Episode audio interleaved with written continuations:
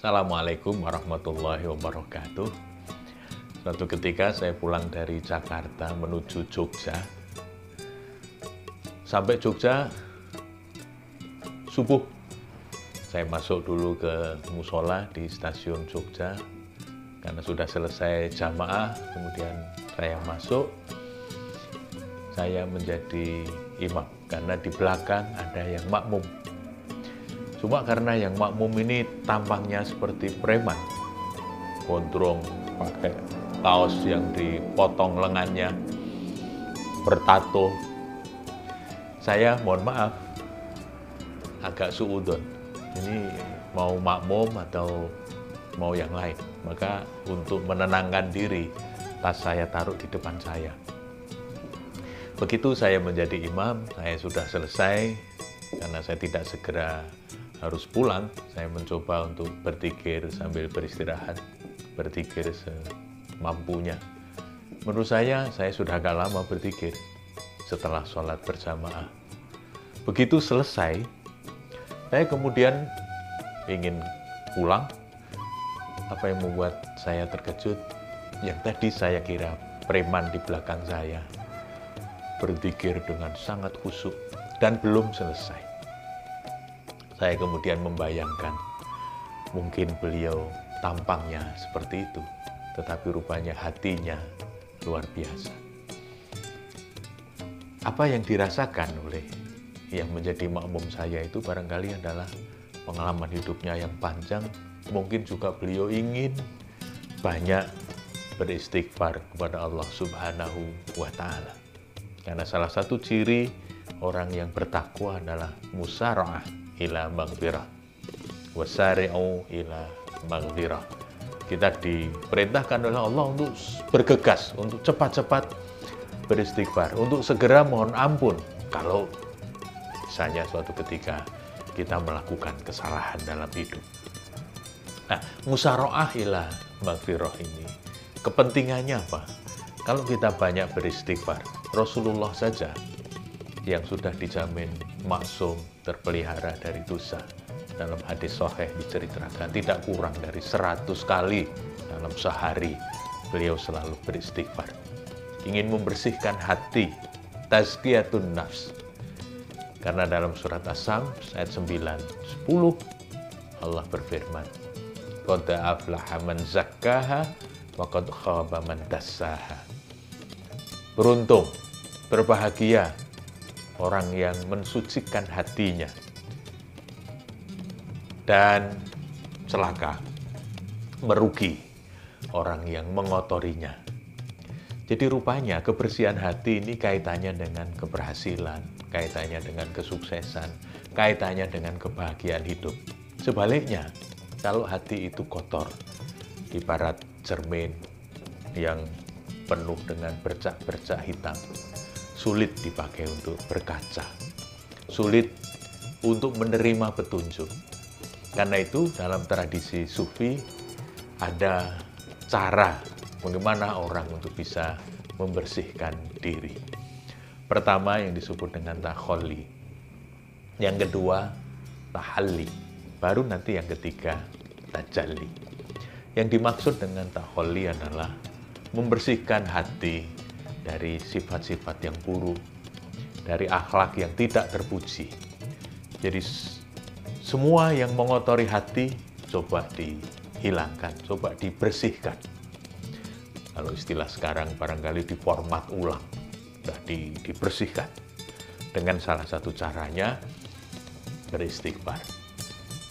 Melakukan taubatan nasuha, tobat yang sebenar-benarnya.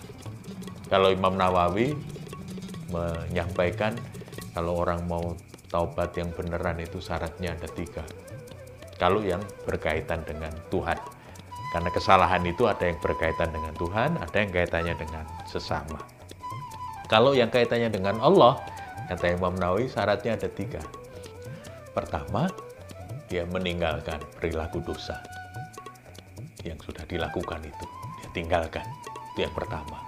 Yang kedua, dia menyesali yang menyesal apa yang sudah dilakukan. Dia mohon ampun kepada Allah, yang menyesal betul. Dan yang ketiga, dia punya niat yang kuat tidak akan mengulangi selamanya. Itu kaitannya dengan Tuhan. Jadi kalau ada kesalahan dengan Tuhan, pertama dia harus meninggalkan apa yang salah itu harus ditinggalkan. Yang kedua, dia menyesal. Dia menyesal betul, ya Allah, kenapa saya melakukan ini. Yang ketiga, dia berniat yang sangat kuat untuk tidak mengulanginya lagi sampai kapan pun. Jadi jangan sampai kemudian sekarang menyesal, besok diulang lagi. Karena ada pengalaman sahabat saya, seorang guru ikut umroh eksekutif karena mendapatkan apa istilahnya hadiah dari sebuah perusahaan. Karena diikutkan di umroh eksekutif, maka teman-temannya ini banyak yang eksekutif. Nah, teman guru ini heran karena ada seorang eksekutif yang setiap kali gurunya, pembimbingnya, menurut dia biasa saja ketika menyampaikan pengajian. Tapi teman eksekutif ini menangisnya sedemikian rupa. Beliau menangis dengan sangat keras, seolah-olah ada sesuatu yang menyesakkan di hati. Nah, padahal teman guru ini tidak menangis karena menurut dia ya biasa saja ceramahnya. Nah, begitu selesai karena teman ini penasaran lalu tanya kenapa Bapak kalau Anda pengajian selalu menangis begitu. Nah rupanya tadi menyesal. Nah rupanya pengusaha ini dia cerita saya ini seorang pemborong yang biasa dalam pekerjaan saya itu harus main suap, menyuap. Maka hampir setiap kali ada kesempatan saya memerlukan untuk umroh. Untuk apa? Mohon ampun kepada Allah. Tapi sayangnya begitu balik ke Indonesia menurut cerita teman saya itu, ya apa yang dilakukan sebelumnya dilakukan lagi. Nah, nanti umroh lagi, minta ampun lagi. Nah ini yang tadi tidak disebut taubatan nasuha. Mungkin sebentar emotional release-nya akan terjadi, beliau lega karena sudah menumpahkan semua permohonan ampunnya kepada Allah di tanah suci.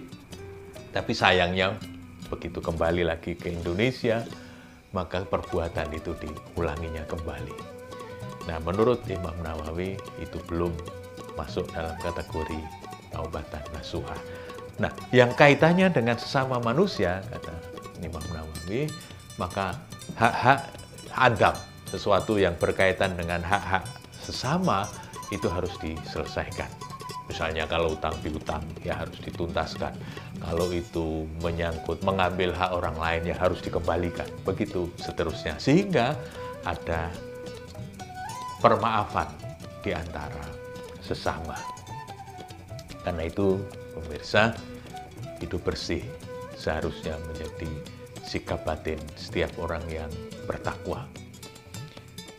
Memperbanyak istighfar, memperkuat taubat, dan kemudian kita ganti dengan perilaku-perilaku yang lebih baik di masa-masa yang akan datang.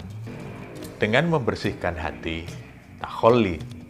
Nah sekarang kalau itu sudah, kita memperbanyak istighfar, taubatan nasuha, lalu kita isi dengan akhlak yang lebih baik itu yang namanya tahalli. Kita hiasi hati ini dengan akhlak karimah kita ganti hal-hal yang negatif tadi dengan hal-hal yang lebih baik. Dalam bahasa sekarang, kalau tadi di uninstall, tadi di format, nah sekarang diinstal ulang. Nah, cuma yang diinstal ini adalah program-program yang positif. Amal-amal saleh. Ini yang disebut dengan tahalli. Kalau orang sudah bisa taholi, tahalli, maka kalau itu nanti dibiasakan, hidup bersih itu betul-betul dia pegang, nanti akan sampai kepada yang ketiga yaitu tajalli. Dia akan bisa lebih terbuka hijabnya. Dia akan lebih mudah untuk menerima petunjuk dari Allah Subhanahu wa taala. Dia akan lebih untuk menerima pengetahuan. Ya, yang kadang-kadang tidak terduga dari mana datangnya, tapi tahu-tahu saja dia merasa paham bahwa ini seperti ini yang terjadi. Itu yang disebut dengan jali. Maka harus membiasakan untuk hidup bersih. Maka ada sahabat saya, seorang bangkir, itu yang menarik sekali. Saya pernah bersilaturahmi ke rumah beliau. di depan rumahnya itu di kanan kiri pintu ada sapu yang dipakai sebagai hiasan. Saya tanya, kenapa ini kok sapu ditaruh di depan? Nah, penjelasannya karena saya ingin ketika saya masuk ke rumah saya diingatkan saya harus hidup bersih seperti sapu yang selalu membersihkan rumah. Nah, maka simbol sapu itulah yang kemudian membuat teman saya ini semakin kuat untuk jalani kehidupan yang bersih. Maka sampai pensiun, beliau dikenal sebagai pakir yang sangat bersih. Pemirsa, hati yang syarat beban dosa hanya akan menghadirkan derita, bukan bahagia. Assalamualaikum warahmatullahi wabarakatuh.